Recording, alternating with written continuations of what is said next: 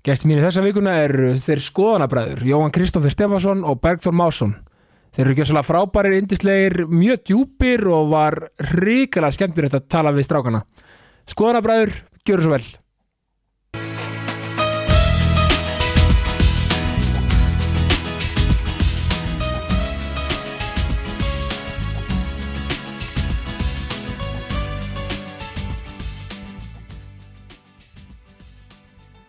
Það heyrist í mér. Á ég heyri í sjálfum mér, eða? Já, það heyri, að, ég heyri vel í þér Já, sem þýðir að við bara erum bara góð ready. sko. Já, Já. maður. Og við erum Bara- byrjaðir og þetta er, það, já, við erum konin loftið. En þetta er það sem ég elskar nefnilega. Já, skoðanabræður, Mhm. velkonir í ákastið. Takk fyrir það. Thank you sir. Takk fyrir það, æðislega vera komin.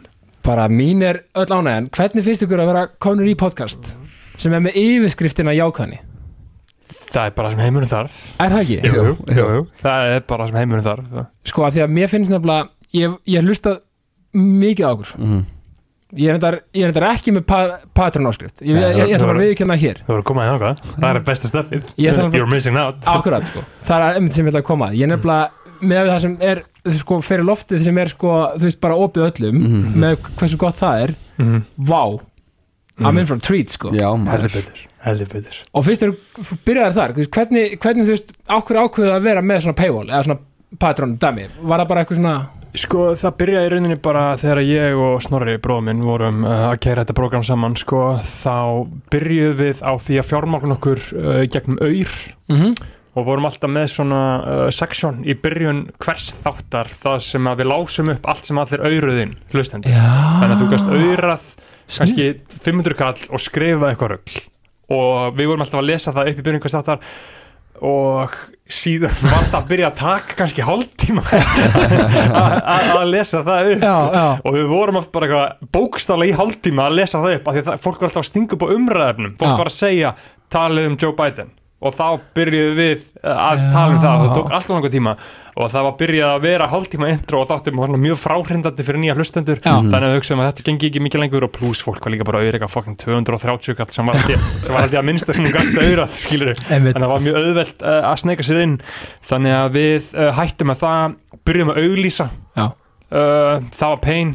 Það var, það var ekki gaman sko. Uh, að díla um markastjóra og það var alltaf bara já við tökum næstu þrjá þætti Já. við erum alltaf sem gett stressaður eitthvað og sem vorum við auglýsa fyrir auður og byrjuðum eitthvað að tala um að tjóka með að þú getur kæftið weed með að nota auður og, og þau voru ekki ánað með það og Markastur ringdi brálaður Já, en samt eitthvað e-mail en, en, uh, en það var samt allt gott á milli og síðan Já, bara svona uh, enduðu þetta bara í mjög jákvæðu og, og góðu og podcastin sem ég var að hlusta á í bandaríkjunum voru öll að keira sig áfram á Patreon. Að því að það er svona það var bara uh, aldæmi þá og er það svolítið, svolítið mikið bara ennþá í dag sko og síðan bara byrjuðum við þar og gerðum það áfram og gerðum, tókum upp uh, gáum út tvo þætti viku í tvö ár og náðum við svona svolítið að- byggja það upp hægt og rólega sko. Og núna erum við komin í bara góðar fína tekjur, ég og Jóhann en að lifum ágætlega sko, Já. þetta er ekkert eitthvað testimony en þetta, er hopmoney Á, já, þetta er ámann í Já, já. sko. Einmitt, en líka, þú veist, að því að þetta er alveg góð punktur sem auglisendur, að því, þú veist, þetta er eitthvað svona, einmitt, svona, að því að nú er ég að byrja í svona leik, sko, Mhm. þannig að bara ef ykkur vil sponsa holla at me, sko, Mhm. það er bara þannig Já, já, auðvitað. en, en þú veit, þú veist, hérna en, einmitt, þetta er svona, svona þunn lína einmitt að vera svona, kannski bundi við að segja ykkur að runu fyrir eitthvað fyrirtæki, eða skiljið, Mhm. ég skil alveg Mhm. pælinguna að það hafi kannski ekki verið svona, svo kannski mögulega eitthvað sem þið hafi ekki nefnt að vera eitthvað að peppa eða eitthvað, ég veit ekki, Al- al- Algjörlega, ég menna þú vilt hafa fullt málfrelsi sko, og Einmitt. þú vilt vera að vinna þú vilt vera að þjóna fólkinu en ekki peningunum sko. uh, þið segjum svo svo að við værum einna, að það væri eitthvað fyrirtæki að auðlýsa hjá okkur og þá allt í henni mættu við ekki tala um það að það væri eitthvað whack shit í gangi þar. Mhm. það Já. er alveg svolítið svona heftandi. Auðvitað er ekkert mál að komast fram í það. Við búum innan í uh, kapitílsku hagkjörfi og Einmitt. bara svona fyrirtæki stjórna heiminum og það er bara basic sko. En það er rosa gott að vera engum uh, háður sko. Það er rosalega ljúft sko. Já, geta tala bara, þú veist, á þess að einhvern veginn þurfa að vera eitthvað herrið, stressa þessi, já, þú veist, er þessi kannski eitthvað bara, þú veist, ef íkt dæmi en bara ef, ef við erum bara sponsorar af Samherja. Já, já, já. og, hana, og Samherja var bara dæla bara tveim Ah, kúlum á einmitt. í skoðanabræður Já, og þá ég einhvern veginn svona sem kæmi upp eitthvað að það verður nú að þú veist að misnota einhverja einhverja, Einhverja í Afríku að líka, ræna þú veist. heila þjóð. Já, bara myndi bætast ofan að það sem er nú þegar komið í ljós. Og þá myndum við einhvern veginn svona já, það, hana, þú veist, þurftum við einhvern veginn svona skauta fram hjá því að að Einmitt, við myndum ekki vilja styggja þú veist, einmitt, fórstamá einmitt. Þetta, er, getur verið svolítið óheilbritt mögulega svona koncept sko. Já, þetta, þetta, 100%. þetta skap, skapar, þú veist, eitthvað svona eitthvað Já, eitthvað Ker, svona Er ekki kergja rétt orðið? Jú, kerkja og bara eitthvað svona eitur Þú veist, Já. það verður til eitthvað svona ef maður, að að þegar maður einhvern veginn finnur sig á þeim stað að maður er einhvern veginn að fara gegn eigin samfæringu fyrir Já, eigin sko hag um, þá getur maður einhvern veginn enda á er erfiðum stað sko. Já, það er slant karma sko. Og aðalega fyrir þennan þátt sem að skoðanabræður er þar sem að við fjöllum um samfélagið eins og það er uh, með sannleikan fullkomlega að leiðarljósi. Til þess að geta framkalla það og búið til efni sem að hlustendur vilja hlusta á þá þurfum við að hafa fullkomið frelsi bara fullkomið. Og segjum svo að samherri væri eða, eða að sponsa okkur eða bara sín eða, eða, eða, hvað sem það er Mhm. þá er ekki alveg fullkomið frelsi í þessu. En síðan er það annað eins og ég var með annað podcast sem ég tók bara viðtöl við rappara einmitt. og var með auglisendur í því 66 gráð norður og hambúrgastæðin Júsú. Og þar snýrist podcastið bara um það að tala um rapptólist einmitt. Við vorum ekkert að fara að segja okkar skoðanir á hvernig kapitalismi er eða hvernig fyrirtæki auglýsi eða græða pening eða notfara sér, uh, notfara sér fólk til þess að koma sínu fyrirtæki áfram, við erum ekkert að ræða það. En skoðanabræðum þá getur við alveg að fara að ræða það. Algjörlega. Og við verðum þá að hafa frelsi til þess að geta gert það án þessa uh, mókengun eða svífjarnengun þannig að þetta fer í rauninni rosalega bara mikið eftir uh, hvað þú ætlar að segja og hvernig þú ætlar að hafa þetta Er já, í podcasti um rapptónlist þá er enginn að býða eftir mínum skoðunum á þessu. Hvað ég meina. Einmitt, þannig að þú veist þetta fer algjörlega eftir því, uh, bara hvað Mhm. þú ætlar að tala um sko. einmitt og, ég, og, og að þið talið um frelsi sko svo, og það er það sem ég elska við ykkar dæmi Mhm. og, og skoðana bara konseptið þið, veist að þið talið um allt Mhm. þið, þið farið í allt og, og, og, og ná- náttúrulega í grunninn, þetta eru náttúrulega ykkar skoðanir Mhm. og, ykkar, og þú veist, oft verður debatt oft verður þú veist bara eitthvað svona sem ég alveg tekið eftir og, mm Mhm. veist, og hjá, hvort sem hjá þér og snorra og, með ykkar Mhm. og þú veist, og svona pælinga og ég elska þetta þetta er svo, þetta er svo djúft, þetta er svo djúpu leveli Mhm. að því að það kannski vita ekki allir en ég er djúpur sko já, ég er hérna Ég já, já, akkurat, ég er, já. er hérna þú veist, ég er alveg djúpur í, hérna málefnum og ég hef ótrúlega mikið áhuga á málefnum Mhm. sérstaklega oft sem þið eru að tala um algjörlega sem, það er, það er markmiði, menn við erum að taka upp uh, takja klukkutíma þætti, það sem að þú getur almennilega að tala um hlutina. Uh, og þú getur almennilega að tala um hlutina og einhvern veginn líður mér eins og við sem búin að byggja upp tröst hjá uh, viðmælendum og svona hjá samfélaginu og svona hjá fólki að það sé svolítið meðvitið um það að við erum svolítið bara að figure it out einmitt, um leiðurum að tala, við erum aldrei að tala um algildan sannleik. Eins og segir þetta eru skoðanir, lagsta form þekkingar. Þú veist við erum að læra og tala svona jafnt Mhm. og þétt.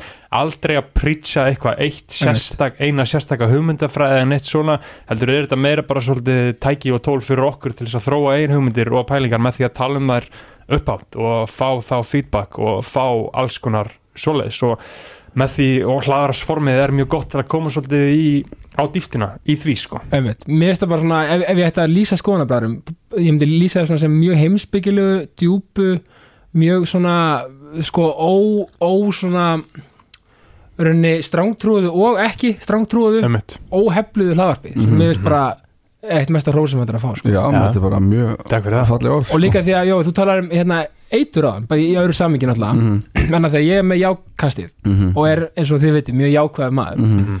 vo, þið voru eitthvað tíman minni mig að ræðum hérna jákvæðni og, og, og eitraði jákvæðni Það er alveg oft verið á svona hérna, upp á hérna í, í, mi- milli tanna fólki Mhm. þú veist, jákvæðni versus eitri jákvæðni mm Mhm. af því að mér finnst það bara áhæfært konsept Mhm. Af því að hérna af því að það sem ég vil einmitt koma með, fram með jákvæðstinu Mhm. það er einmitt þó þessi yfirskriftin jákvæðina þá er þetta allar tilfinningar, svolítið eins og þið er að, að Ja. taka þú veist, ég vil ræðum, þú veist, bara er einmitt svona, fá einmitt líka hliðina pennu sem er sorgin og, og Mhm. gráturinn og, og hérna þjáningin sko. Mhm. þar að segja, þú veist, og þján, ekki vondan á þjáning, bara svona að því að það sem mjög svo fallið er þegar fólk upplifir allt Mhm. og mögulega þá er í svo öskunni eða hvað sem það er Mhm.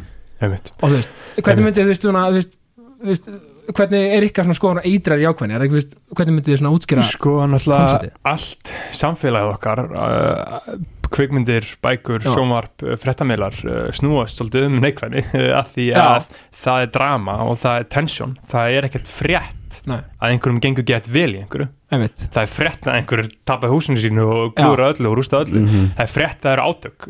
Allur fréttaflutningu snýst um það, það er átök. Einhverju eru ósamála og það er alltaf svolítið svona uh, neikvæð orka í því. En það þarf ekki endilega að vera pjúra neikvætt að segja frá því. Akkurat. Að því að það er neikvæðinni og þú, þú segir frá henni. Og það er allt annað en að einhvern veginn projektinni og reyna að halda henni áfram og nærast á henni og elska Já. að það sé eitthvað neikvætt í gangi.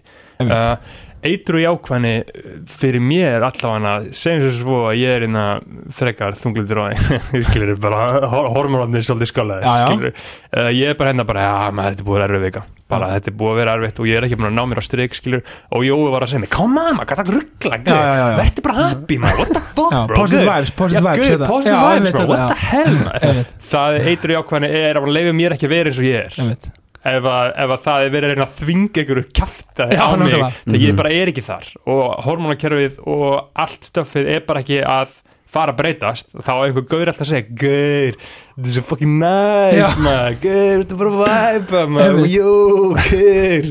Það, ég myndi segja að það væri eitru jákvæðinni og hún brist út frá meðndarlýsi sem að verður bara fyrirgefa maður ma má ekkert endilega uh, dæma einhvern fyrir að vera með eitra, eitra Nei, jákvæðinni það, það kemur vantilega ekkit endilega frá okkur um hræðilegum stað alls ekki, sko. Nei, nei, nei Nei, Alls það kemur alltaf sko. svona frá svona, einhverjum, svona hlustur að leysi Já, þetta kemur frá meðvindalýsi og Já, einmitt. svona tengslaleysi En er veist. þetta líka bara meðvitað gaslætning, veginn? Jú, þetta jú, þetta Jú, er ég myndi segja leveli. ómeðvitað. Ómeð- Óme, já, fyrir já, ekki, fyrir ekki já. ómeðvitað mitt, já, Já, já, já, já. einmitt, einmitt Já, í rauninni sko Já, Í- af því að þegar einhver er að keira að þú veist, á, á því að vera bara en að, þú veist, á sama tíma og einhver er bara svona, "Ah, já, ég er bara geggjar þú veist, bara alltaf bara mm að, að skauta yfir, þú veist, að ert á einhverju leveli líka bara svona að neita sjálfur um að að líða þér eins og þið líð, líður í alvörinni, þú veist. En þú ert að einhvern veginn bara anna, að það er ekkert anna, eh, ekkert myrkur án, án byrtu og, og væs versa sko, þannig að þú veist, maður verður að leifa sér að, að fara allan skalan til þess að geta einhvern veginn upplifað það góða og vonda sko einmitt og ef maður er alltaf bara að keira bara og það sé svo, Mhm. allt sé svo gott veist, þá, Mhm. þá hlýtur það einhvern veginn á einhver, einhverjum tímpúti hvort sem það er bara lókt aksjaður eða hvort það sé í veist, einu svona ári eða, veist, Mhm. eða bara einu svona æfinni sem það kemur í baki á þér. Ójá, ójá A- Akkurat og mér finnst það gaman að ræða þetta áhugavert af því að að þú veist, ég hef ofta velt að það hafa alveg margir líka að sína skoðun á jákvæðinni og eitrar jákvæðinni eða hvað sem það er sko Mhm. að frábært ég er svo hjartalega sammála ykkur með þetta Því þannig svona, þú veist, fara þessi yfir í jákvæðina bara svona mína, af því að þú veist, ég, ég, ég er búin að tala um þetta reyndar þú veist, í fleiri þáttum en bara alltaf gott að minna, minna á það þú veist, Mhm. hvernig ég svona þú veist, af því að ég upplifði það ungur eins og þú veist, jú, að missa föðu minn Mhm. sérst, hérna, 15 ára gamall Mhm. þá einhvern veginn stóð ég bara fram fyrir því hjá sjálfum mér að vera bara, ok, þú veist, ég ætla bara að velja sóla, sólarliðina í lífinu Mhm.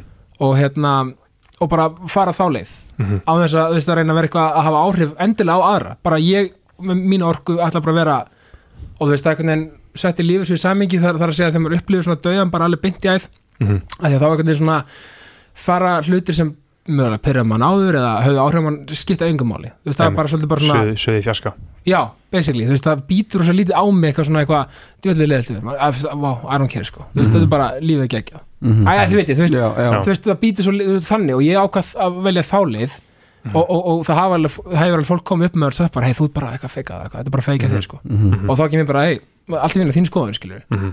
en á undantækningalöst kemur þetta fólk til mín tilbaka og segir, er þú ert bara ótrúlega jákvæður og góða, Mhm. góða orka frá þér og, hress, bara skemmtilega nógi já, Mhm. mm þú veist, að skilji point being að velja sér leið bara þú veist, ég ákvað að velja mig þessa leið og, en fólk getur líka svo auðvitað miskili kannski mögulega orku frá okkur með eitthvað. Æ, þið vitið Algjörlega. Og, og, og, og það kannski, og það er náttúrulega fyrir mér ekki eitrað, heldur þá ertu bara að setja út það sem þú ert upplega og vilt einhvern veginn, Einmitt. en ekkert að þunga á aðra þú þið vitið hvað mér já, og síðan er þetta bara perspektíf sko. ég Einmitt. trúi rosa mikið á bara að þú býr til pláss sko. fólk hefur x mikið pláss fyrir neikvæðni x mikið pláss fyrir jákvæðni. En bara mismöndi Uh, já, mjög, mjög mismikið og því miður í samfélaginu sem við búum í þegar bara búið að vera að herja á okkur með allskins eitri og ruggli og bullshiti bara frá því við fæðumst þá er miklu meira pláss fyrir neikvæðni af því að það er meira neikvæðni og þá auðvitað og neikvæðnin egoið Mhm. sér einhverja jákvæðni og fer vantilega og því er ógnað og þá fyrir að byggja varnakerfi gegn því og hugsa já ok, þessi gæði fokkin vill eitthvað. Ná, þessi gæði er eitthvað, er, er eitthvað að skíma. Já, já,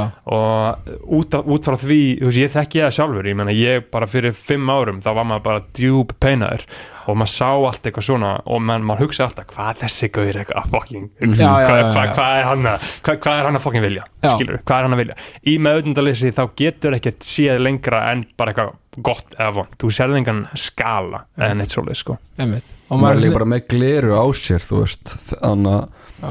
sem er bara, þú veist, eins og svona auðvöld dæmi um þetta er bara að maður horfir á krakka grunnskóla og þú veist, og einhvern veginn að þegar ég hef litið tilbaka sem að undanfærið á, þú veist, þegar maður var í grunnskóla og maður var að sjá einhverja svona einhverja krakkar sem voru, þú veist mikið svona acting out, þá Mm. mikið einhvern veginn svona mikið að- hakka aðra niður, þú veist og Mhm. hann að og, og eða var eitthvað, þú veist, eitthvað sem var gett tress og eitthvað svona áspókin, þá var auðvöld að taka hann niður, þú veist og, og, og, þá getur maður bara sett í samingið og segja já, ok, því að hann að þá, þá var eitthvað svona og svona heima hjá þessum krakka og hann fekk ekki það sem hann þurfti þar þannig að þú veist, hann býr til eitthvað svona varnavegg og síðan kemur hann í skólan og þann sér eitthvað sem er kannski með einhver kerfi sem hann, hann er ekki með á hreinu, þú veist. Og þá var það til að gera til, í staðin fyrir að hann síni, þú veist expose sig, þú veist að síni að, að, að aðri sjá hvað hva hann skortir er þá að sína frekar hvað einhver annar er ekki með, þú veist. Að að varpa frekar skugga á einhvern annan frekar en að sé að leifa ljósuna að skína á sig þú veist einmitt og hann að og eins og Beggi segja það er miklu meira pláss fyrir neikvæðni og þú veist hvernig sko umræðan í fjölmiðlum er e- erum við mjög mikið að spá í þessu þú veist, við spáum Mhm. mjög mikið í egoi Mhm. í ímynd og þannig að þú veist og, og, og operitum mjög mikið sko á skorti og, og skam Já, já, veist, einmitt, algjörlega. einmitt, einmitt, það er alltaf bara eitthvað svona hei, þú veist, að því að þótt að það sé ekki sko meðvituð ákvörðin hjá einhverjum einhverjum Instagram áhrifavöldum að vera eitthvað alltaf eitthvað svona, ég er í útlöndum, ég er að gera þetta, ég er að gera þetta, ég er að gera þetta, þú veist. Oft bara tengt vinnum mögulega já, þú veist, og það er náttúrulega bara, síðan er þetta bara að koma út í það, að vinna þeirra er bara að gera þetta, þú veist, en þó að það sé ekki pain. Þó, að sé ekki meðvituð ákvörðin hjá þeim að sko, að þegar þau láti myndina út að þau séu sko að búa til sko tilfinningar í þeir sem skoða myndina sem byggjast á skorti og skömm þú veist, mm svona, Mhm. þegar ég sé eitthvað sem er alltaf í útlundum og er eitthvað svona, ah, í snæði fyrir að hugsa eitthvað svona, ah, það er svo gæt næs alltaf í henni. Þá er und, undir meðutundin að kannski að segja, þú veist það er ekki alltaf svo næs á mér. Akkur ég ekki þarna? Akkur ég ekki já. akkur, þetta svona ak- akkur eru þau með svona fín föt? Akkur eru þau alltaf að borða svona góða mat? Akkur eru þau alltaf að ferða svona fína staði þú veist? Það er ekki meðötu ákvörðin hjá fólkinu sem vinnur við þetta að bú- að búa þessar tilfinningar til en þetta er bara sem öflin sem stýra þú veist Mhm. öllu e eru að operita þannig þú veist. Þau vilja að við, að við það sem við finnum mest fyrir sé gatið í brjóstinu og við reynum að kaupa drast til að fylla upp í það. Einmitt. Og annað sem verður þá að lenda bara eitthvað fíkn og bara og, já, Já. já, bara óhamingju og bara og, og keira upp prógram byggja heilu kerfin upp á því að það sé auðvelt að kaupa og auðvelt að selja. Þannig bara einhvern veginn uh, ferðumst um í þeirri ringrás sko. já, pæliði, svona, þetta með þetta samfélagsmiðla innan gæslega bara eitur sem þetta getur orðið sko. Mhm. þegar maður er komið djúft í það sko. Þetta er eiginlega bara svona kapitalismi í rauninni á styrum sko. Já, já. já, þau þarf að segja að fyrir mig grunn hugmyndina að kapitalisma sko. Mhm. bara back in the day sko. Mm. þetta er bara orðið eitthvað miklu meira monstereldi en við áttum okkur á sko. Þeir eru bara búinir að bú til uh, stóru teknifyrirtækin bara svona gjörsamlega rosalegustu peningamaskinu mannkinsögnar það hefur ekkert verið búið til áður sem er jafn upplugt og máttugt og hefur sölsa undir sig jafn ekki völd og áhrif og bara aðtikli fólks, þeir eru búin að taka allt Já, sem við eigum. Mhm. og sér alltaf þú að stíð út úr þessu. Þá missir allt. Þú veist, þá, þá missur allt annað. Það er einhvern veginn búið bara að hlekkja okkur inn í kerfinu þeirra og uh, ég sé ekkert fram á leið út úr því Nei, sko. og þarna einmitt kemur þetta, þetta er svo góð punktur þegar sumir segja að ég er bara hættur á samfélagsmiðlum sko. og svo kemur, að reyndar, ég er á Facebook að því ég er í, það er að í grúppum og okkur Mhm. chat og eitthvað, eða þú veist, Mhm. þið veitir Mhm. þannig að maður alltaf hlekkjaði samt sko. alltaf, sko, Já. alltaf og þess vegna þarf maður að uh, bara díla við það sko og ég hef tekið til því uh, í minni eigin persónulega nótkun sko að þetta lætur mér ekki per se líða illa, þetta Nei. er ekki að valda peinunum mínu uh, en þegar að peinbótið er virt sko. Þegar maður er eitthvað heima á sér að þjást Já. þá getur þetta magna það Já. já, út af þessari skortstilfinningi sem Jó var að tala um þetta er alltaf skortur. Er alltaf- þessi alltaf útlöndum? Hverju? Ég- en kveiki á Instagram og please, eitthvað, gerast eitthvað ég sjá eitthvað, eitthvað til að láta mér líða betur Já. núna, ah, please.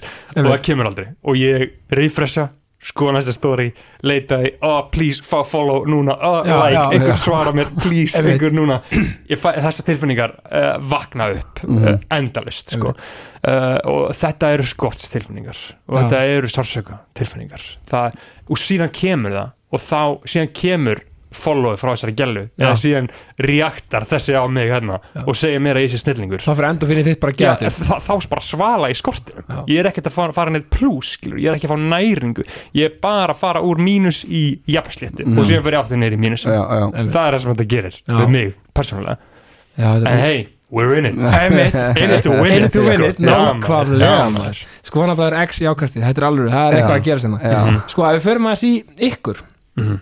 að því að hérna sko, ég fer alltaf í svolítið í persónunar aðeins, svona í byrjun. Mhm, sko, veist, hverjir eru þið? Ég veit alveg, þú veist, skiljið, þú veist, það veit allir hvað þið er, hvað þið gerið og allt þetta. Mhm. en bara, þú veist, hverjir eru, þú veist, Jóhann Kristofur Stefansson og Bergþór Másson? Ef við byrjum með þér, Jó, Jói. Eh, eh, já, ég heiti Jóhann Kristoffer Mjög hlaðið spurning, samt, sorry. En uh, hver er ég? ég er bara hann er bara just a vessel bro já, ég er bara eitthvað svona vessel sko, Nei, ég, ég er hann ég er uh, faðir Já. og hann og, og sonur og, og bróðir og, og vinnur og maki og ég er margt sko en ég elst upp í, í miðbænum og við erum alltaf saman í, saman í Östó. Þekkast var blödu barsminn blötu barsbeginni og Græniborg, eða ekki? Græniborg, jú Já, Græniborg hvernig, hvernig læt ég A1 maður. since day one. Já. Græniborg, það er Östó, það er MH Mm, og náttúrulega Valur. Nákvæmlega. Og þannig að ég ef sko ég, já, ég var í listaáskólum líka þannig ég læriði sviðslistir og hef unnið mikið í músík og, og svo er ég með þannig uh, fyrirtæki og framlega fyrirtæki, útúrsfyrirtæki Mhm. og, og 101 sem hann er, er mitt í, í að hluta til í eigu hérna, hérna sínar Einmitt. þannig að er- Stór hlutur að gerast í gær. stór Já, hlutur að gerast í gær maður og Mhm. það er bara þannig að ég veit ég alveg hvernig ég á, hvernig ég á að útskýra hver ég er sko. ég er þannig að ég þú veist e- e- einu sinni var ég eitthvað annað núna er ég eitthvað annað. Mhm. Og við erum þarna- síbreytilega veru sko. Já, Já. ég er bara frekar góður á því sko að ég veit ekki Nei, ég meina, og þið báðið að saman þetta vera, sko, sem er svo magnað að, að þið eru, raunin að vinna við það sem þið elski báðir. Er að segja, þið eru að, eru að raunnið og fyrir mér er það að lifa drauminn, sko. Ef maður er að koma sér í þannig aðstöðu að mhm, þið eru að vinna við og gera það sem þið elski á hverjum minn stegi já, sem er svo magnað. Og það má ekki gleyma einu mhm, af því að við erum að tala um 101 og svona. Ég, ver, ég sko set mér alltaf sem one of the OG 101 boys mhm, one of one boys. Já, Mhm. ekki spurning. Fæ, fæ það ekki bara verified Ég- það er bara ver verified, bara blái, bláa tjekki Er það ekki? Já. algjörlega sko, ég er nefnilega, það, það vita ekki allir sko sumir halda bara að ég sé ykkur útkvörafappi sko. Já, nei, en nei ég er náttúrulega fuck that shit. Já, Já. en hérna, En já, því, ég er svona, þetta er svona góða punktur sem kemur inn á sko, því að anna, anna, að maður er að reyna að gera það sem maður bara vill og það sem maður Mhm. hefur gaman af því að ég þannig ég er mjög sko þakkláttur uh, að eiga, ég er búin að eiga ég er svona mjög sterkum vinahóp frá því að bara pingulítill og þannig að það er eitthvað sem ég er svona alltaf að læra be- betur og betur hvað er ekki sjálfsagt eða Nei, eðlilegt, eða þú veist, það er bara svona til er svona góðum Já, hóp já. Já, Já. bara einhvern veginn og geta hann að, þú veist, ég á bara vinir sem hafa fyllt mér frá því ég var bara krakki, þú veist, og hann að og á í góðu sambandi við þá og góðu sambandi við fjölskyldunum minna og, og þú veist, búin að vera með sömu konni í meirinn tíu ár Mm. og, og þannig að þannig að ég er svona uh, þú veist, og barn og annar barn á leiðinni og, Ó, og congrats Já, takk maður. Og þannig að þú, ég er svona ég myndi segja sko að það sé aldrei þannig að þetta sem var að segja sko. Ég, ég er bara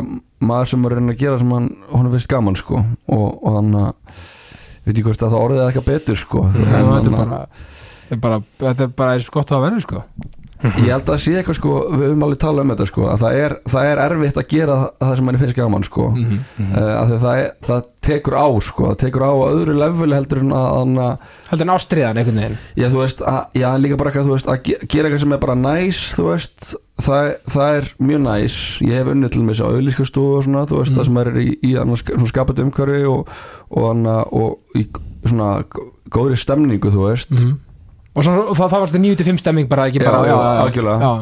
en þannig að síðan einhvern veginn, þú veist, ég held að það hafa alltaf sko, komið til þess aftur í, í sjálf með bara einhvern veginn að ég að þú veist, og þá er mitt í samvikið líka við bara vinahópin, þú veist, að að okkur langar alltaf að gera eitthvað sjálfur þú veist og, og, og, og, og það hefur einhvern veginn byrjað einhver stað og sen hefur stökkbreyst og svo hefur stökkbreyst aftur og nú erum bara komið á þann stað að við erum bara með hana, að kera frekar þétt prógram nýra hverju skutu og, og sen erum að gera músík líka og með eitthvað fleiri drauma um, um bara að fara ofar og herra sko og þannig að og ég sé ekkert stoppa það sko. Nei. ég veginn bara hef þannig að sem ég er þakklútu fyrir að ég hef alltaf haft frekar svona óbílandi trú á sjálfum mér.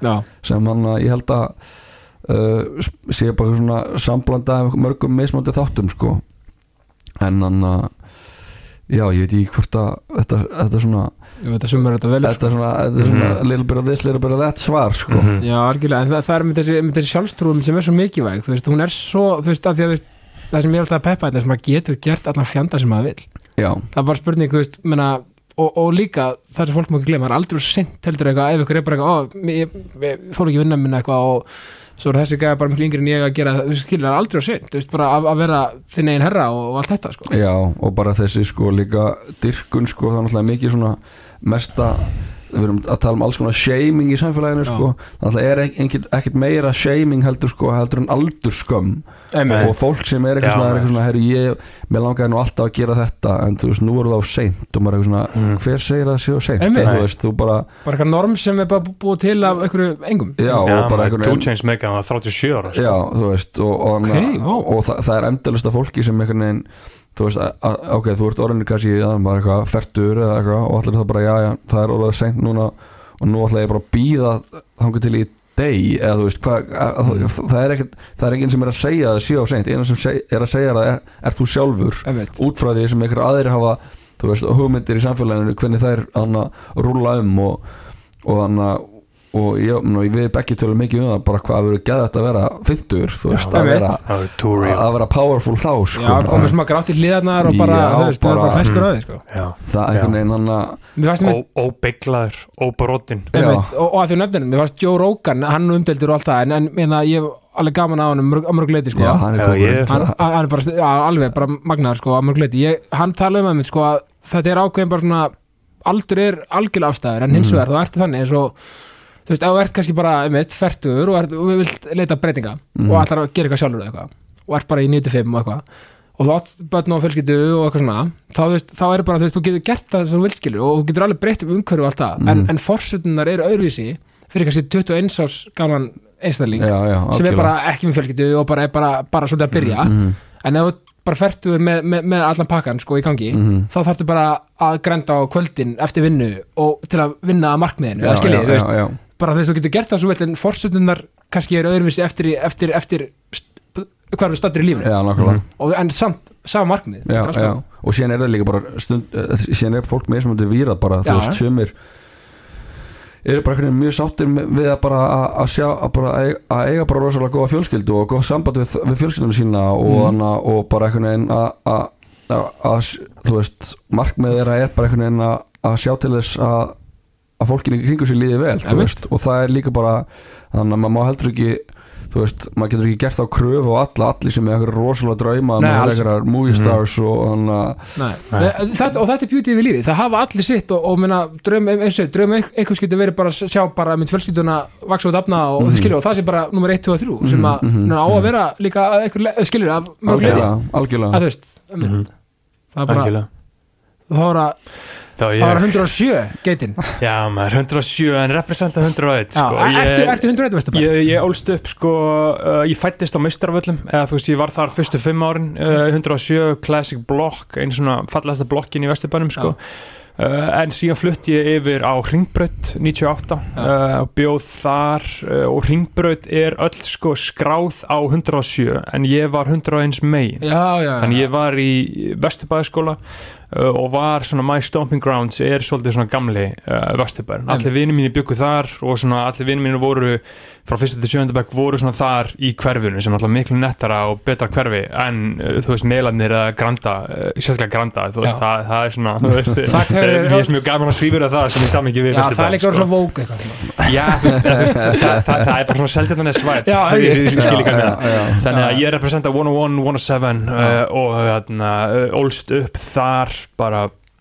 öll, öll mín ár sko, öll mín ár, bí 101 núna, bí á hverjaskötunni uh, og sko hver ég er sko, ég er bara marg blessaður og guði fyrir uh, all, all, alls konar hluti sko, er með uh, djúpan innri og ytri tilgang sko, sem er allur að materialisast svona hægt og hægt og rólega og eins og sko Freud talaði um, vorum að tala um á hann um sko hvernig þú getur verið sáttur sko, Freud talaði um að andlega hilsa væri að geta unnið og geta elskað sko. Já. Uh, og ég er svona hægt og rólega að komast þangað sko. Uh, Já, sko, ég, get unnið, ég get unnið mjög vel sko. ég get elska á svona vissa hætti Já, svona, já.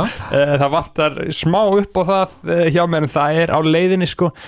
og ég finn það mjög stert að maður er margblæsaður og guðið fyrir að bara fæðist það sem hann fættist og með fóraldrana og svona umhverfið og tækifærin auðvitað aldrei eitthvað fullkomið en maður svona fjekk þannig umhverfi að það var alltaf uh, í lægi að vera öðruvísi Já. sem ég er svona svolítið þakkláðastur fyrir Einmitt. við fórum uh, bara í sumafrí til Baskalands og bara til sko bara einhverja skrýtna staða á Spáni og kannski bara eitthvað þú veist til eitthvað uh, alltaf bara eitthvað svona weird shit. Á meðan ég þráði að fá að fara til Tenerife eða Florida benni Já, e e eitthvað svona. Og ég þráði að fá McDonalds coffee eða eitthvað og við Já. fengum bara eitthvað bönir skilur við Já, ná, og, já. og, þarna, og fengum aldrei uh, og það er alls konar svona í uppeldinu sem ég horfði tilbaka núna og er þakklátast fyrir að því þarna er svona svolítið stimplar það inn í kjarnaðin að þú þarft ekki að vera eins og hinnir sem er svona svolítið uh, myndi ég segja minn helsti styrkur að hafa svona styrk og getu til þess að geta fyllt einn samfæringu og ekki hlusta á öll samfélagsins sem segja þér að vera einhvern veginn sem hefur nýst mér mjög vel sko á minni vegferð að svona verða ég sjálfur verða svona, svolítið heill uh, á ný uh, út frá allskins aðferðum sko.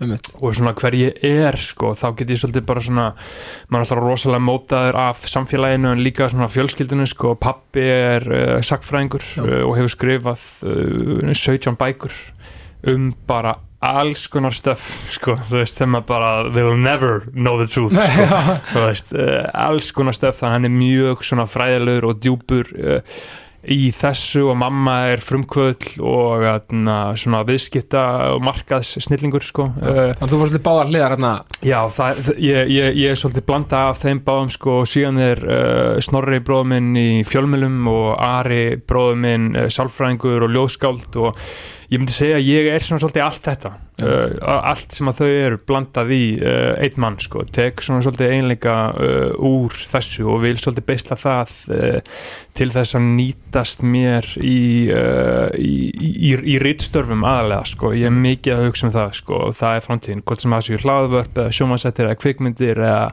eða bækur, þá er ég svolítið bara svona að operita út frá þeim grunngildum sem að voru sett í mig þegar ég var badd sko, að bara sterkasta sverðið er kænsla á þekking sko. Og ég er með svona djúpan djúpa, djúpt kreif í visku og þekkingu og lærdóm sem að ég sæki í eh, hlaðvörpum og bókum og kvikmyndum og sjómasáttum og kúltúr og ferðalögum og bara að lifa lífinu með að fara í sund sko. þannig að út frá þessu það hef ég mjög sterkan innri og ytri tilgang það sem að allt skipti máli þú veist það er jafn mikilvægt fyrir mér að taka Wim Hof á mótnuna og að fara í sund og að fara upp í sundbúst að taka ofskinnaseppi og að fara til útlanda Já. og að uh, lesa einhver bók sko. þannig að þetta er svona svolítið morfast allt inn í minn innri og ytri tilgang sko, að gera eitthvað fyrir sjálf mig að losa allt peinið mitt burt Já, já. Og síðan er það að búa eitthvað til fyrir heiminn sko, þegar maður er svona farin að fatta það betur og betur að Uh, I got something to say Já, sko. maður er svona svolítið farin að fatta það betur og betur og núna er ég að læra rittlist í Háskóla Íslands uh, og er búinn að fá gífurlega þekkingu þar á einu ári og uh, eld sjálfströst og trú á allt þetta þannig að ég er svona hægt og rólega að morfast í það og finna svolítið mína leið á í þessu og er að fara næsta haust held áfram í náminu þar og alltaf síðan að fara í janúar á ferðalag uh, aðeins til útlanda, fara austur sko, sjá, sjá heiminn sko Já. Það er planið Já, já. síðan gæti maður bara allt í húnum kynst einhverju konu í sumar og eignast batt skilur, I, það. I don't know skilur, veist, ég, ég veit ekki hvað er en ég veit að það sem að bara Guð hefur ákveðið fyrir mig ve- verður það rétta sko, út af því að operita út frá þessum innri tilgang og svona kjarna sem að býr í mér sem ég svolítið fættist með sko, bara að vera Íslandingur þú veist það er guðdómlegt og allir forfeðunir sem að bæði sko blessa mann og handa mann Já, sko, veist, og ég er að reyna sem hægt og rólega að losa peini þeirra úr mér sko. Að eins og við tala um áðan sko, þá er, eh, getur lífið verið svolítið erfitt sko, og, og þú veist og það stundum uh, stundum byrðist þetta alltaf verið ómögulegt sko. Uh, en síðan kemur maður tilbaka upp úr því og þá, uh, þá minnir maður sig á þetta og hvert maður er að stefna og hvað maður er að reyna að gera Uh, og þakkar bara fyrir forhundin eins og til dæmis uh, fjárhagsleg forhundin mín bara fæðast inn í fjölskyldu það sem að er fjárhagslega örug uh, og hafa svona x er að mentun skilur, ég kem af mentafólki og, mm. og það var rosa mikið kyrt á því þannig að ég er bara rosalega þakkláttur fyrir það því að hefði ég ekki fæðst inn í það þá hefði ég ekki haft tækifærin til þess að uh, þróast og öðlast þennan sko, tilgang sem að ég hef í dag sko, þá hefði bara einhvern veginn uh, verið að operita út frá einhverjum öðrum pælingum og ekki verið það sem ég er í dag sko, og sama hversu mikið maður getur svona svolítið hatta sjálfan sig svona, a- a- a- a- af og til uh, þá, þá býr það mjög stert í mér sko. Uh, en það er aðilega á persónulega levelinu sko. ég hata sjálf mig ekki á svona hinu praktíska eða námslega. Þú veist ég á mjög auðvelt með allt námslegt og með allt vinnulegt. Þú veist ég get mætt, mætt hérna og haldið einræðu um sjálf mig Já, í, það- eða hvað sem ég er búin að vera lengi sko. En síðan það kemur að því að, að, að, að senda stelpu DM á Instagram skilur þá getur það getur farið þrý dagar í eitthvað já, svoleiðis pein er að? Já, í, Já, já. í alls konar svona Þannig að ég er mjög örugur á sviði praktík mm. En svona tilfangarlegt öryggi er eitthvað sem ég hef verið að byggja upp síðastlegin síðastlegin fimm ár eða svo og við erum á góður leið sko, En við- erum á góður leið þar þannig að uh, ég vona að þetta hafi svarað uh, hver ég er sko. Bara 100% og, og, og briljant svör hjá okkur. Og, ég, og það sem ég elska við ykkur sko, þið þekkið ykkur báða þar að segja persónunar ykkur, þið báðir mjög auðvitað mjög vel, þar að segja ykkur sjálfa, því að Mhm. sko þú veist, maður verður um þetta að átta sig á um eitt manns, að því að þú talar um tilfinningarna og þetta praktiska, maður verður að átta sig á rauninni, ekki til að þú veist, þetta er kannski ekki veikleikar, en þetta er svona, jú, þú veist, manns eigin veikleikar. Algjörlega. Til þess að geta, þú veist, upp að hitt og líka, þú veist, að því að við erum alltaf einhvern veginn að læra, við erum alltaf Mhm. einhvern veginn að þróa, eins og segir, þú getur verið komið með konu og giftur og komið barn eftir ár, Já, skilur, maður. og maður veit I don't ekki, já, og finnst besta, held ég sem ég hefur sagt ever, þar að segja að það er satt, Aristoteles, ég veit, ég veit ekki neitt, mér Mhm. finnst það svo góð lína, sko, Já maður, þú veist, það er einhvern veginn bara summerar allt upp, mm. já, maður. Kári, Kári, Kári Stefánsson sagði að við veitum 0,01% um heilan. Já, pælti því, We Það- know shit. Akkurat, ég, ég veit þetta aðeins meira um hann sko.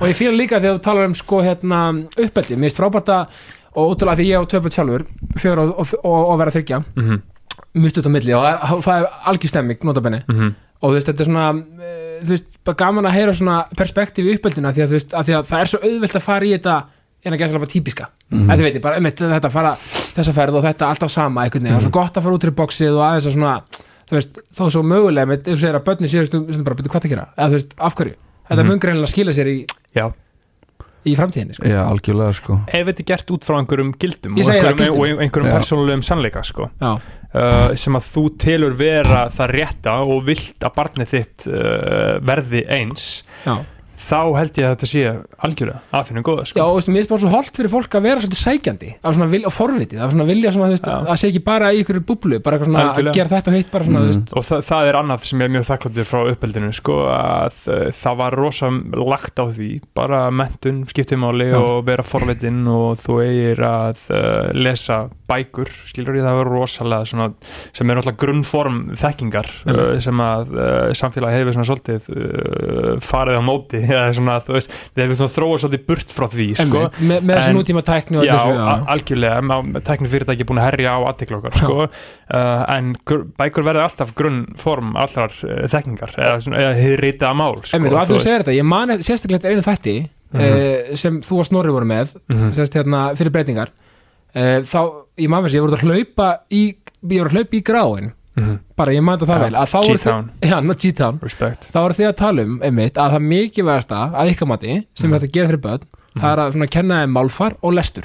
Já, bara mjög snemma algjörlega sko á framtíðina sko. Algjörlega og þá er ég ekki að tala um að því að mér, ég finnst ég oft einhvern veginn svona tala við fólk og þá finnir fyrir svona svona skömm að geta ekki lesið að, le, lesa ekki út af því að einhvern svona þau eru að fokkin er eitthvað á Instagram og það er einhver sjálfsjálpar heili eitthvað að segja um eitthvað These CEOs read 10 books Já. every week skilur þetta er út frá einhvern Eitthvað sem millionaire að- account, já, eitthvað, sem eru bara að lesa eitthvað fucking cap bara eitthvað BS, Já, einhverja ensku. bækur sem er bara eitthvað sko. Uh, þetta snýst ekki uh, um það að lesa sér til gags þetta er það bara það að þú getur séð texta og þú getur skilið hvað stendur í honum og hann getur orðið til gags Einmitt. og þessi texti getur verið á Instagram hann getur verið á Twitter, hann getur verið, verið, verið hvað sem er sko, að því að samkvæmt einhverjum rannsóknum og fréttum sem maður hefur verið að sjá þá er þetta að fara svolítið minkandi að bara streng, að drengir í grunnskólum geta að lesi til gags. Já. og það er náttúrulega bara há alvarlegt sko. Já, það Þú er það. það, það er það, ég vil ekki að einhverju strákar séu að lesa Lagsnes eða að lesa eitthvað rúsneska bókmentir mér finnst það, uh, jú, auðvitað er að fokk veistla ef, þeir gera það en, en mér já, finnst ekki þetta samfélagi að þvinga því á þá sko. Nei, nei, það er bara að koma náttúrulega sko. alveg eins og allt annað kvikmyndi sjónvarsættir allt sko. Uh, en þetta grunn element að geta lesið til gags er mjög mikilvægt sko. Algjörlega, sko. mjög mikilvægt það er svo mikilvægt og þeir gerðilega komið báðir svona listrænum heimilum að mörg leiti sko Já, algjörlega og sko. bara svona, mjög, og þau- af því að þeir eru báðir mjög skapandi Uh, samt svolítið öðruvísi Jó, Öðruvísi, já. Jói kemur alltaf af svona listamanna uh, Einmitt, heimili og ég kemur frá Mm. fræðilegu heimili, heimili sko. já, já, já, og einmitt. það náttúrulega hefur algjörlega eins og ég held að Jói hefur alltaf alveg upp við það bara já, ég verð listamæður já, það ekki? Jú, það hefur aldrei verið spurningu um það nei, Nei. einmitt, einmitt. Það, það var ekki þannig á mér sko. Þú veist, það er, það er bara verið síðastliðin uh, fimm ár. Ég hafði aldrei að því að það var, ein, það, var enginn í kringum mig að, jú, það var Þóra frænka minn sem vann í uh, fjölmjölum og hún var að gera svona, svona cool, eitthvað svona greinar og fréttir og eitthvað svoleið sko. Annars var eiginlega enginn í svona stóri fjölskyldu minni sem var eitthvað sem starfaði sem slíkur já, sem, sem að starfaði við eitthvað skapandi sko. nei, ok, já, það uh, lá eiginlega aldrei neitt fyrir mér að gera það Nei, ok, nei. Þannig að uh, þannig að það frekar bara svona kannski gaggrín hugsun og hugsa út í boxi meira svona, já, Já. e eða bara einhvern veginn svona eitthvað guð að beina mér í einhverjar áttir sko, Já, já. þú veist, Mhm. út af því að þú veist, ég uh, haf, hef verið bara obsessed af rapptónlist, það var svona fyrsta sem að uh, ég svona Einmitt. uh, beitti, það var alveg bara svona tíu ár lífsmín sem ég hugsaði ekki um neitt annað en það sko, einmitt en út frá því hafði ég aldrei öryggið eða svona einhvern veginn mögulega sín á það að ég geti gert það nei, nei, nei. það einhvern veginn kvarlaði ekki að mér sko.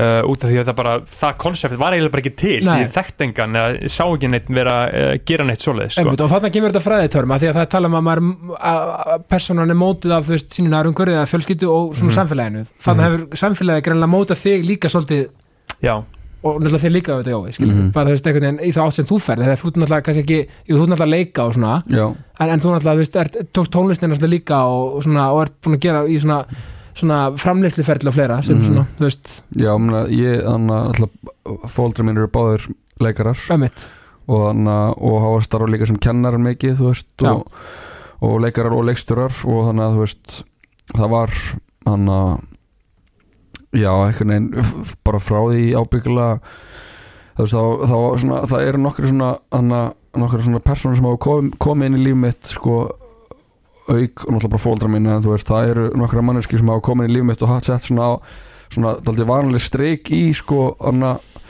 í þróunina sem ég einhvern veginn hef farið út í Já. og þú veist það eins og það var því að ég var í, hana, í Östubáskóla þá og kynnti sér Tyrfingi Tyrfingsinni mm.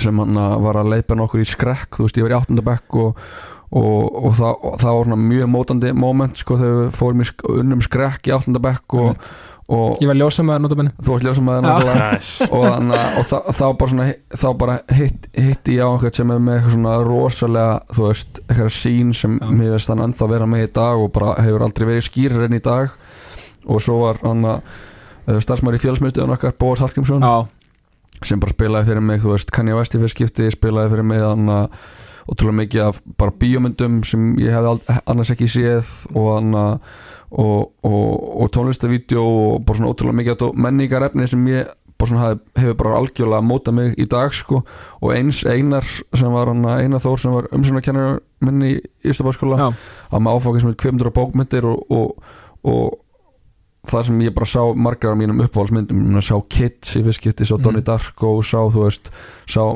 myndir sem ég hefði annars ekki séð, þú veist Mhm.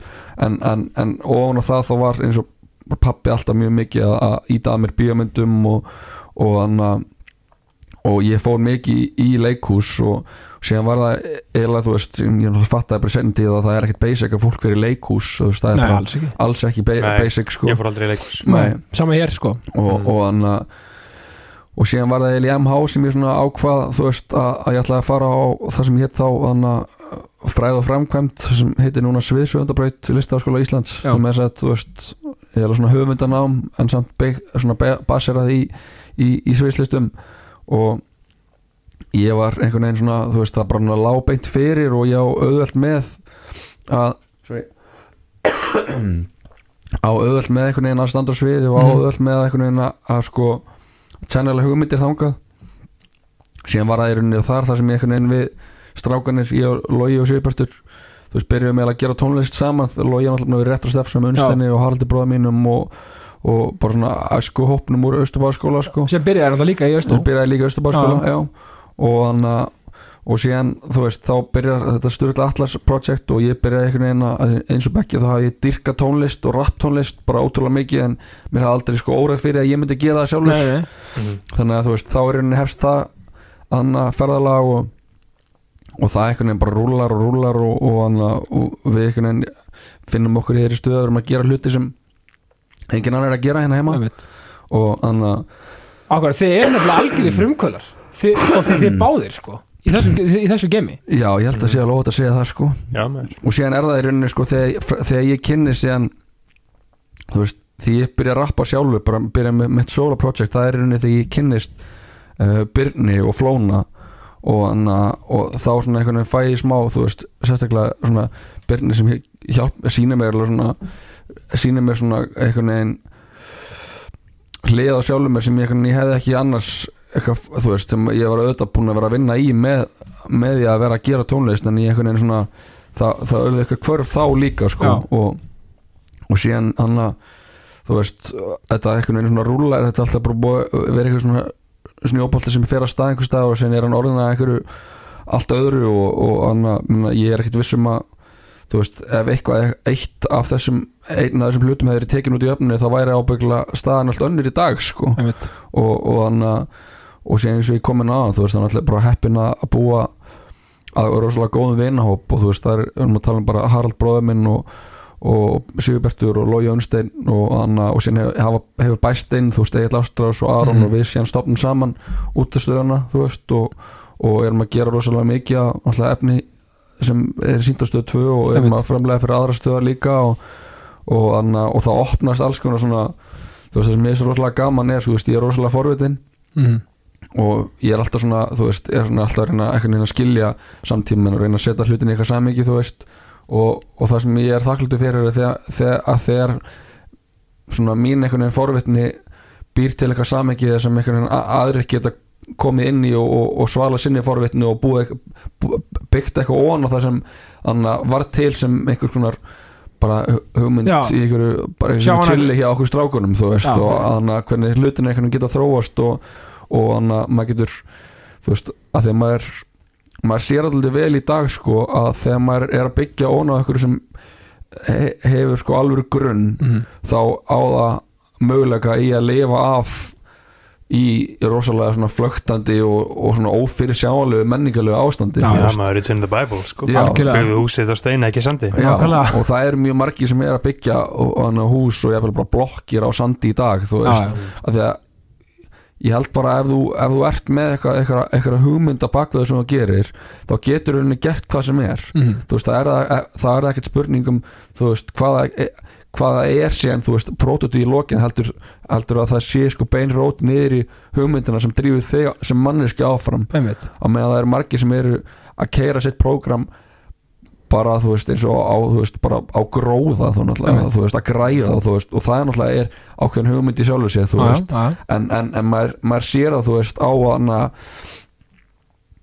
eins og bara e- einhver eins og, eins og Kanye West þú veist, Kan- Kanye West hefur uh, þú veist, það eru flestu búin að horfa heimildamindana sem komur Mhm. á Netflix um hann og, og það sem mér var svo geggja við, við það því ég er bara, þú veist, hann er bara minn uppáhalds Já, listamæður, já. þú veist og, hann, og það sem mér var svo gaman er, sem annað fólk sá þegar myndin kom út og ég hef alltaf séð að því ég hef bara fylgst það mikið með honum er að hann hefur ekkert breyst þú veist, hugmyndir hans eru þær sömu og þær voru í grunninn Mhm. en hann er bara komin upp á bara, bara allt, allt, allt annað plan. Mm. en hann er samt að oppir þetta frá sömu sín þú Já, er gildum. Sömu gildum. Einmitt, bara frá því að hann byrjaði frá því að hann byrjaði og það er þessi gildi þú veist, að hafa eitthvað hugmynd eitthvað sem, eitthvað dót sem drífið áfram sem er stærri en þú, þú veist. Nákvæmlega, og er þetta ekki bara, bara svolítið samplata þá gildi, einlægni og ástriðu eða þú veist, að, að mörgu leiti Algjörlega. Að, að, að því að þú veist, að, að því að þú talar um skilur eitthvað svona sem byggt á sandi mm. ég meina, er það, það í grunninn er það veginn, eða eða er ekki einlægni ástriða og, og, og eitthvað svona á bakvið þetta Mm. og gildi, þá, þá það verðist einhvern veginn aldrei endast, ég meina ekki það bankarunni er kannski ekki gott dæmi endal um það, en með að sjá það er bara byggt á okkur sandi. Já, allt það er bara að kjafta þið bara svo það Já. auðvitað fellu það Já, Já, þú veist, þú þetta er svo í rauninu einföld hugmyndafræði sko, Já. maður Já, pælir því já, já, já, já maður ma, ma, ma trúir á gott og illt Já. svona spektrumið sko Mhm. og hefur góða mun alltaf uh, sigra á endanum sko Einmitt. en maður þarf að fara í gegnum sko eina leginn til að koma sér í gegnum þjáningu eða með þjáningu sko algjörlega og, og, og, og talað um kanni, þú gerir ekki BS-ríkjörna en um, um Ég þau gerði- hjó hjóina ekki ég gerði það um, hana, um, um Keeping Up with the Kardashians já, einmitt, alveg rétt, já, já. brilljant dæmi sko. Já, og síðan í kjálfæðan náttúrulega gerir maður sín einu raunverulega þátt Já. uh, sem erum, er, er, erum að klára núna fjóra seríun á þannig að þú veist það þannig að eins og ég komin aðan þá einhvern veginn byrjar eitthvað eitt einhver staðar og síðan er það að maður veit að orðið að einhverju allt öðru og miklu stærra og, og búið að búið til eitthvað svona sæmingi sem maður hefði ekki getað séð fyrir sko einmitt, og þetta var við í öllu saman hvað fólk er að gera klárlega sko framtíð, Klárlega. framtíðin er bull nákvæmlega, sko. Já. og þú, og þú náttúrulega umbásmaður fyrir, þú, þú, þú ert sko ert ekki svolítið svona rap svona þú veist, menn ert ekki eini umbásmaðurinn á Íslandi sem er bara með rappara? Eða ekki, þú ert ekki Jú, bara eða, með sko, Clubdub er náttúrulega ekki alveg Nei, nei, nei. rapparar sko, Uh, en jú, ég meina ég er in a league of my own sko, uh, al algjörlega sko, og hef starfað með uh, Clubdub frá því að þeir byrjuðu já, sumarið uh, 2018 og það voru rosalega tímar sko því að ég fór sko til London sko þess að ég var að tala um áðan sko ég sá ekki fyrir mér að ég geti einhvern veginn gert tónlist eða bara var ekki til sko en ég hugsaði bara en ég hafði samt einhvern veginn svona já ég með langar til að vera í kringu þetta með langar einhvern veginn til að gera þetta. Og komandi á menta heimili þá sá maður einhver aðra leið en að fara bara eitthvað og menta sig í þessu. Skilur þú hvernig gerir það? Og bara googlaði eitthvað og fóruð hann til London og lærði svona music business og svona einhvers konar viðskiptafræði í tónlistabransanum og einhvers svona framleiðslu stöf sko og þarna, gerði það og síðan sumara 2018 þá ég ennþá í náminu. Þá byrjuðu uh, Aron uh, og Brynjar sem var bara be- bestu vinni mér þá og í dag sko uh, með þessi hljómsveit sko og höfðu sambandið mig um að, na, um að sjá um businessin sko sem var bara það sem ég var að menta mig og það bara passaði einhvern veginn fullkomlega sko. Og þetta sprakk bara út Já, þetta bara sprakk út sko og það er, mér finnst það svolítið gott dæmi um sko, þú veist, þegar að einhvern veginn púslinn smetla saman þú veist, og fólk er með metnað og vilja, það var bara einhvern veginn það var bara svona réttur tími, réttur staður, réttur stund og þá bara einhvern veginn svona gekk þetta mjög vel og ég var alveg bara svona ótrúlega metnaðafullur í þessu starfi og svona trúið því þá að þetta var eitthvað sem að væri bara svona minn tilgangur og vildi gera varða þá sko Mhm. og við þarna, gáum þetta út og síðan tónlismennbönd og gerum heimildamynd og uh, þeir gikk út um allt og rosa mikið að gera og allt svona rosa bjála og gekk bara rosalega vel og það var mjög, mjög gaman sko. Uh, og síðan byrja ég að vinna með Byrni þarna líka uh, og við vorum líka bara góði vinni fyrir það og þú veist að Byrnir er alltaf líka bara svona snertur af guði sko, hann er með eitthvað svona touch í músík sem að kemur ennþá mjög ofta óvart Mhm. að því að maður einhvern veginn þekkir hann svo vel skilur Mhm. og síðan segir hann eitthvað í Já, músíkinni ég er alveg sammálaði, við- þú veist, ég þekki hann ekkert sko en Mhm. það er eitthvað við hann, ég- óútskýrlegt já, Ég- já. hann kemur mann óvart þegar mann Já. sýnir mann eitthvað nýttlega og maður er bara svolítið svona bro, what the fuck Já, hann, er, hann er bara það, ekki það, það, það, það, það er powerful sko og, og við höfum verið að vinna saman frá því held ég bara eitthvað í lok árs 2019 Já. eitthvað, 2-3 ár eitthvað svoleiðis sem mann ekki alveg og na, það hefur gengið mjög vel. Og, og við erum bara að keira uh, mjög gott prógram sko. Ég hef svona svolítið fengið svona mína útrás fyrir einhvers svona sköpun og búið til eitthvað samengi og keira eitthvað áfram í gegnum svona þessa uh, umbóðsmennsku Einmitt. mentaði mín því og, na, og það hefur bara verið mjög mikið blessun og hefur lært alls konar uh, hluti sem ég mun aldrei gleyma uh, í þessu sko, sem hefur svona uh, sett eitthvað í mig, samskiptahæfni og samningar uh, og bara hvernig þú kemur fram og hvernig þú dílaði fólk sko, það hefur verið alveg frábært sko. Uh, en ég svona sé, þetta er ekki svona mitt framtíðastarf sko, þetta er ekki eitthvað sem ég mun verið að gera að, að eilífu og svona kemur að því að maður fari svona að róa sig í, í músíkbransanum sko Uh, ég veit ekki alveg hvenar eða hvernig þú veist, það er bara maður ma, ma, maður finnur leitið þess sko. Já, en maður er bara mjög þakkláttur fyrir að uh, hafa verið at, at the forefront sko, að uh, run the shit sko, Algjörlega. þarna í, bara í, í, í nokkur ár sko, það, það hefur verið rosa gaman sko, einu sinni, þú veist, mér langar alltaf að vera eins og Dame Dash og Puff Daddy já, já, já. Uh, en, en, en það er eiginlega svona, mér langar það ekkert lengur sko, mér langar bara til að mér bara til að vera ég Já. Já, líka gaman að sjá þú veist, hérna, hérna erum við með tólestamenn og hérna erum við með þú veist, hérna, umbásmannin sem er kannski með businessliðina meira það segja svona, bara svona clear goal á businessliðina mér finnst það ótrúlega áhugavert og músikbransin er ótrúlega skemmtur en þú veist, er, hvernig er bransin Já. Íslandi? Er er hann stór? hann, er drasl á Íslandi sko. Ok. uh, hann, hann, það er ástæðan af hverju enginn endist í honum sko. Já, já. Uh, þú veist að það er verið enginn málsmittandi eitthvað að að að uh, ég hef alltaf sagt, það væri ekki að vinna þessa vinnu ef það væri eitt stopp frá mér. Já, ég skilji já. skilur, þú þurftir alltaf að tala við aðstofmann minn til þess að ná í mig. Já, já, já, þá væri þetta æðislegt. Uh, til að kott út allt af því að þetta er svolítið eins og ég var að segja við vinn minn sem að vinnur hjá uh, pizzafyrirtæki uh, að selja gig og selja tónlist á Íslandi það, að gera það að þér þú ert alltaf eins og hann var að selja einhvern pizzu í fyrsta skipti. Já, já, þú ert að útskýra honum fyrir hvernig mismundu tegundir eru og kynna þetta allt alveg frá byrjun. Já, út af því að þetta snýst alveg um að bóka gig á Íslandi Mhm. og þá er maður bara að uh, tala við krakka í mentaskólum og grunnskólum og einhver sem halda engapartí sem hafa aldrei gert þetta áður. Það, og Þú ert að fara leiðbinn einhvern í leiðinni. Já, alltaf bara svona, hei, svona er þetta. Og fólk er alltaf með annars konar hugmyndir um hvernig þetta er, bara þakkláttur fyrir ennan tíma og þessi tækifæri sem þetta hefur gefið mér og, og allt það, sko, en það er rosa þreytandi, uh, svona, þú veist það er ekkert sérlega gaman að vera alltaf eitthvað að útskýra fyrir fólki, uh, hvernig það er og, og þeirra hugmyndir koma mótið því sem eru bara allt aðrar, þannig að tónlistamann í Íslandi er mjög vanþróaður uh, og þarna, Hann er kannski bara aðalega fyrir listamenn að, að koma Já. fram og fá bara greitt og máldu, eða skilur eitthvað Já, svona al, al, al, algjörlega sko og síðan er það líka eins og ég var á bríðatónleikunum núna Mm. sem var náttúrulega bara Já. og hún er bara frábær sko Mhm. Uh, geggjaði tónleikar uh, fór að hugsa svona eitthvað svona já eitthvað svona bríð núna 2002 eitthvað að hugsa, hugsa eitthvað um Björk já. bara fór að hugsa bara svona, shit hvað Björk hefði aldrei geta fengið að verða Björk Nei. í umhverfinu sem við erum með í dag skilur Ok, áhugavert uh, út frá giggunum sem það eru, skilur hvernig tónlistamenn festast einhvern veginn svona í, í, í, í giggum og í peningunum og í uh, algoritmanum Instagram og samfélagsmiðlunum og Mhm. allir því og einhvern veginn það er ekkert við, það er þú veist, góða stöffið er rosa óaðskilið frá draslinu Mhm. í dag. Já, það er einhvern veginn operator og það er svolítið svona attitút uh, attitút um að að sé allt í lægi allt í lægi eins og um að tala um jó einna að byggja húsið sitt á sandi skilur að það sé allt í lægi bara eitthvað hei sækja pókan bro. Skilur þú veist því er rosa hampað. Einmitt. Og allir sem að byrja að gera tónlist í dag uh, allir sem að byrja að gera tónlist í dag sérstaklega rattónlist þeir gera uh, út af peningum því að, að það er fjallað um peningana uh, og það er rosa mikil kultúr um að sækja pening á giggum einhvern veginn eins og þetta var alls ekki held ég leiði ég mér að álíkta þegar Björk var að koma upp og svona svo kynnslóð og, sko. og þarna getum við vitna aftur í þátt sem þið voru með sem mér gjör svona frábær með Hjöpa Já. K Hjörður. Haflega. Því ég er svo fótbolta sinnaður og mér er svo ótrúlega gaman að heyra svona ykkar pælinga. Og, og, og þarna kom að vera 90s king eða queen, já, já, Þið rædduð um það. akkurat, Og- og- og að hvað var pull-upið sko. pull-upið er mitt og að þú nefndi Björk og Já. þessu samingi þar að segja að vera þessi típ í dag og þá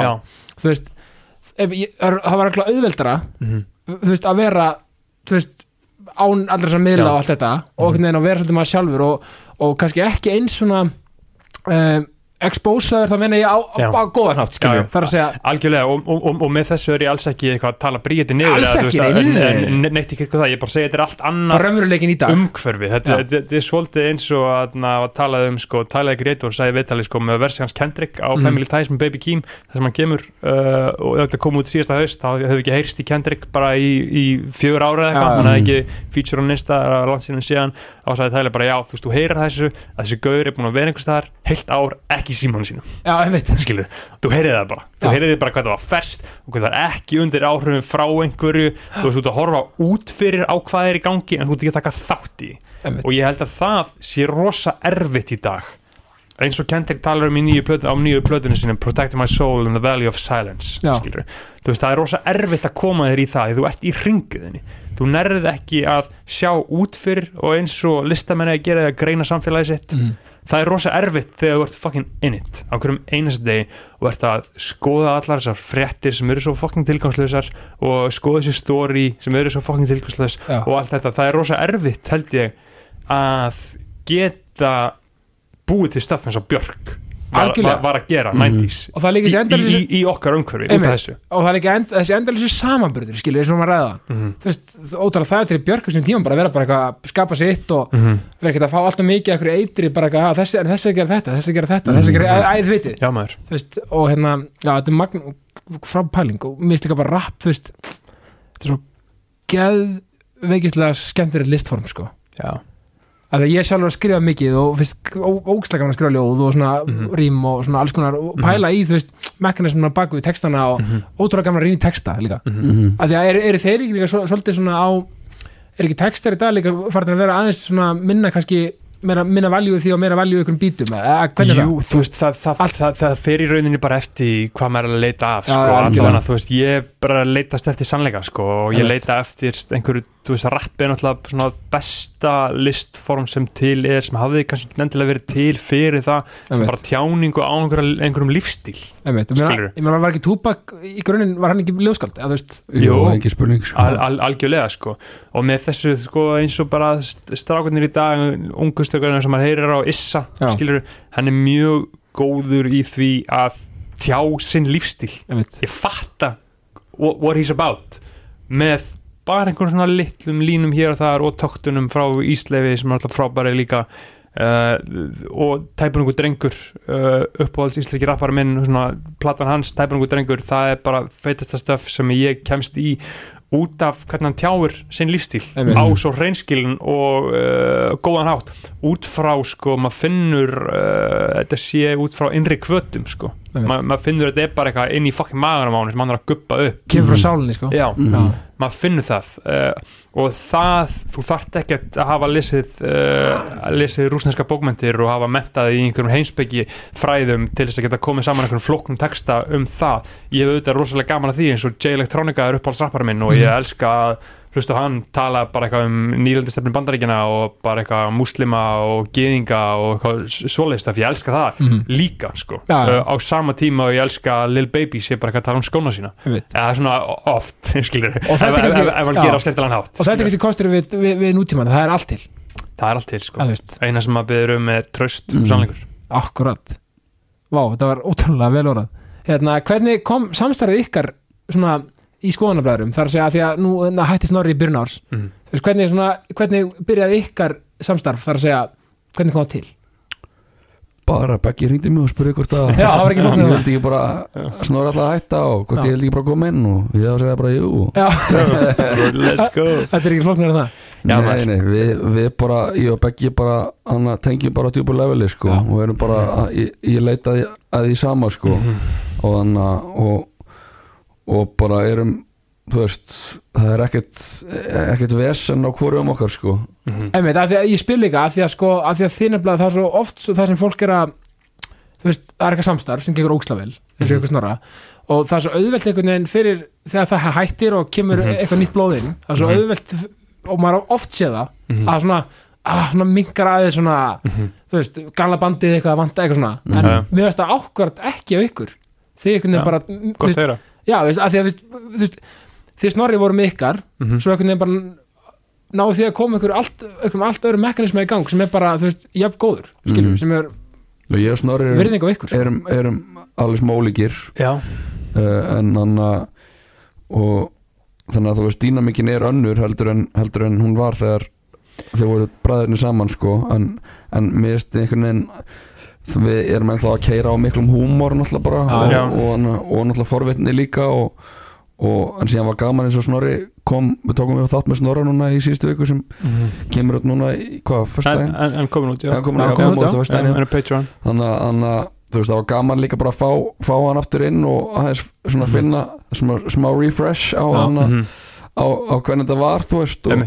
Já, af því, af því að þátturinn með ykkur, fyrsti þátturinn þegar Snorri er sko runni að kveðja, basically, þegar þeir eru allir þrýr Mhm. mér finnst hann alveg frábær sko. já, Já. já, Þi, þeir eru gott tríó sko við erum það sko Já, algjörlega sko, af því að líka sko podcast uh, snúast ekki um neitt nema tengsl sko, þetta er ekki neitt nema tengsl þetta og tengsl uh, fyrir mér er bara hvað þú getur sagt og hvað þú getur fengið tilbaka Já. Mhm. það snýst í rauninni bara um það og ég og Snorri vorum með allt aðra dýnamík uh, en ég og Jóhann höfum skilur ég get sagt uh, hluti við Jóhann sem að ég veit ég fæ svar tilbaka uh, en ég veit að það myndi ekkit virka með Snorra mm, mhm. það er ekki inn í hans algoritma sko. uh, og við erum þú veist, ég og Jói erum mjög líkir eins og við segjum, við erum að sama ferðalagi erum að, með, með sama mission og erum svolítið að pæla í uh, söm, sömu hlutunum sko og þá er rosa auðvelt að geta bánsa tilbaka uh, með því að og, og þú veist og þegar það er einhver tengingana þá veistu hvað þú getur sagt og hvernig það mun Mhm. koma tilbaka og þú veginn bara svolítið skinja það betur Algjörlega og þannig þátturinn hefur breyst rosalega mikið þú veist að ég og Snorri erum með svona það sem maður hafði heyrt um þáttin að það var einhver svona dýnamík að því að við vorum með einhver svona sérstakann húmor skilur uh, saman og okkar húmor öðruvísi skilur okkar Snorra húmor er náttúrulega bara frá því að þú veist hann er, við erum búin að vera saman bara mest af öllum manneskjum í skilur, a- Að þeir eru eins og ólíka grunninn, sko, e- erum sem er mjög ólíkir, skilurðu. sko. en höfðum alltaf notað í rauninu húmor til þess að díla við allt, stöffið okkar skilur, og þetta er náttúrulega allt öðru sér bræðratengsl og vinatengsl og Já. getur miklu einlægri við Jóhann skilur, ég get sagt honum bara hei, hérna, það er bara einhver gæla sem ég bara get skotin í hérna Mhm. og mér bara, ég, e, bara fíla hana fokki mikið og við Já. viljum bara gera þetta ég get sagt eitthvað svona við hann Mm. Já, en síðan með snorra myndi ég þurfa að maska með einhverjum húmor með að segja bara eitthvað já, hún er bara eitthvað ekki e- Eitthvað e- e- það, það, það er alls konar svona tengsl sem að búa til sem er bara eitthvað bro, ég veit ekki hvaðan þetta staf kemur skilur, maður veit ekkert hvaðan, uh, af hverju maður er eins og er og hvernig maður segir hvað sem maður segir sko. Einmitt. þannig að þátturinn okkar núna er bara, við fáum bara svolítið útrás til þess að kanna uh, okkar eigin uh, Einmitt. áhugamál og, og, og málumni sko. Svona sammeilum grundvelli svona já, já, algjörlega sko algjörlega og ég ætla að tala um það bara skónabæður er bara eins og bílanir í Hamburg sko. Algjörlega. Bara, við erum bara að okkur sko. já, já, Uh, þú veist, þetta er bara að fá að kynnast hver, hverjum sem þú vilt, fá að vita hvað sem þú vilt. Þú veist, við getum talað um hvert sem er, við getum fengið fórseta Íslands, ekki það að maður vilja eitthvað vera að fá hann, skilur en þú getum fengið bara fremstu rithöfunda landsins, kvikmund að gera fólk landsins og uh, hvað sem er, bara í þáttum til okkar og það, það er eins og þú þekkir með podcastið, það er frábært að fá tækifæri til þess að kynnast fólki og tala við fólk og þaðan, það byrjar einhverja snjóbolta sem að enda sér inn í ykkur öðru sko. Einmitt, og skoðan að gefa einhvern veginn öllum rými að þeir, þið getið fengið hvert sem er til ykkar þar að segja, þú veist, bara eins og ég man því töluðu einhvern veginn um hvað verður bara geggja að fá okkur bara af göttinu bara til ykkar veist, Já. þið gætu ekki gert það því að þið Já. erum þannig svona væpa, sko algjörlega sko. og þetta er bara, elska þetta, sko ég, hérna, er eitthvað sem drífur ykkur áfram með leik og starfi eitthvað svona, svona motivation, eitthvað mantra, eitthvað svona ég held að það sé bara það sem við erum að tala um sko það er bara eitthvað svona, eitthvað svona hana, forvetni í, í hana að þú veist ég er alltaf að reyna að skilja sko. Sk- skilja svona, eitthvað, eitthvað fara, fara dýbra já, svo Já. er ég með eitthvað já, Já. eins og allir bara. Já, já, uh, já, það er, það, hjá mér er það bara einhver ósegjandi þörf í uh, visku og skilning og bara einhvern veginn að ná að uh, læra eitthvað nýtt Já. á hverjum einasta degi, sko. einmitt, Það er bara, það er í rauninni bara svona... Uh, það er líkil Já, það er svolítið bara grunn þörfin, sko, og operið út frá kærleik, sko, og Einmitt. efla tengslinn við uh, sjálf mig, fólki í kringum mig og almættið. einmitt, það er, einmitt, og, og sko, ég elska líka, sko, þið eruð sko, ertu, Beggi, ertu trúaður ertu mjög trúaður? Já, ég Já. hef verið að þróast mjög mikið í þá átt sko. Já. það mér finnst það uh, útskýra mikið af spurningum sem ég hef um lífið. Uh, og ég aðfyllist ekkert uh, eitthvað sérstakt uh, trúabrað, ég er auðvitað, jú, ég opperið út frá kildum Jésu Krist mm. þar sem að maður svona, uh, fyrirgefur öllum allt og uh, ég er mjög meðvitaður um svona ójafnvægi uh, ójafnvægi alheimsins Já. uh, og fólk getur verið alls konar sko. Uh, en svona það helsta sem að ég uh, tek út úr uh, svona málum er, uh, er bóðskapur Eckhart Tolle sko. Hann er svona uh, hann er minn helsti lærifæðir uh, í öllum þessum sko og, hann opereitar í rauninu þvert á öll trúfélög sko. En uh, er með mjög djúpa tengingu við almættið og meðvitund og, og meðvitundastík sko. Það er mér svo gaman hvernig þið blandið trúnni svona stundum inni og hafi gert í gengum tíðina. Að því mér finnst það svo áhugaverð pæling, trúin sem slík sko. Já, mér finnst, það, mér finnst trúin og meðvitundin í rauninni útskýra allt sko. að það sé einhver ein stór meðvitund og síðan eru við allir í, öll bara tjáningar, einstakar tjáningar hennar sko. Einmitt. og séum öll bara eitthvað, þú veist, bara eitthvað skölluð á því að reyna að navigeta þetta stöð sko, sem er bara, eins flókið. Þetta er allt eins í grunni, við erum bara með margra útfærslur á Já. trúnni og, og við þurfum bara að lifa í sátt og sannlendi með öllum. Algjörlega og þú veist, og sannleikurinn er eins og ekkert tollið, sko, þú veist, hann verður aldrei kjáttstopp, Nei. skilur, hann er bara eins og erpur, sko. En, út á allt, allt, allt öðru stöfi, sko, veist, hann er með að því að í grunninn snýst þetta allt bara um uh, meðvutund, sko, og hækka meðvutundastig, sko, Einmitt. og það er rosalega fallegt að vita það, sko. Já, þetta er bara Þetta er sko, það gæti ekki verið betra. Ég bara í logistrákar því að hérna, mér finnst það bara svo frábært. Ég bara, ég hérna ætla sko spyr alla að þessu í lokin. Mm. Hvatning út í daginn fyrir hlustendur? Fá skoðanabræði til að peppa? Já maður. Mm. Mér finnst alltaf sko þannig að sko að passa sig eins og ekkert tólan að tala um hana, uh, the voice in your head sko. Mhm. Já, maður. Og það eru mjög margir sem eru sko þannig að skilistir að af, sko, af röddin í höstum á sér sko. Já, af því að hún getur sagt alls konar uh, en það er mjög mikið sem röddin í höstum á manni segir sem hjálpa mann ekki. Mm. og þannig að Hún er Og- góð, góð þjóttn en slemur húsbóndi. Já, og, og, og eins bara sko læri þetta bara því að ég var í, í námi þú veist að, að fólk segir alls konar og, anna, og það er þitt að velja sko hvað þú tekur og hvað þú tekur ekki. Mm. mm. og anna uh, ef, þú ert að baka köku og einhver kemur og segir hann að heyrðu það, hann að hún var góð sko, það vant ekki smá, smá svona svona svona, þú veist það er eitthvað, já ok. Síðan kemur einhver og segir þetta er ógeð og það Mhm. er bara aldrei að baka aftur. Mm. veist, og þá er það spurning hvort þú vilt hvora kritikina þú vilt Einmitt. taka með þér, veist. Og við erum mjög vöndi sko að taka það sem er einhvern slæmt, veist það geta 150 mann sagt við bara djöðl, þú lítur vel út í dag. Sem kemur einn og segir bara hvað Og það sýttir eftir. Er því að fyrir sturtu bara sín í fyrra eða þú veist, þannig hvað hva, hva jakki er þetta? Mm. og þá bara tekur það og þú bara setur það upp á bara stall og bara kórun og þetta og Já, þannig að bara að leifa ekki þú veist þetta er bara algjört jákvæð, jákvæðnis kast þannig að- algjörlega. þannig að bara jákastið bara að- að að taka hann að þú veist að renna með því sem hveita mann áfram sko, það sem hjálpa manni sko Mm. og leifa hennu bara að- að verða eftir. Einmitt. Algjörlega. Ægilega, ég uh, kvartningi mín er bara vitnun í uh, vitnun í Kendall Roy í Succession sko, það sem að hann segir uh, another life is possible brother Það gæti ekki verið betri loka orð sko. Bara straka, það kella fyrir komuna í jákastið já, bara okkar ánæðin Já, Takk mín, sem leist, mín, það var er, er er öll sko mín megin og, og ég en enda, enda alltaf á þessu ást og friður. Já, maður, ástafröður, Guð blessi ykkur. ástafröður já. Ást og friður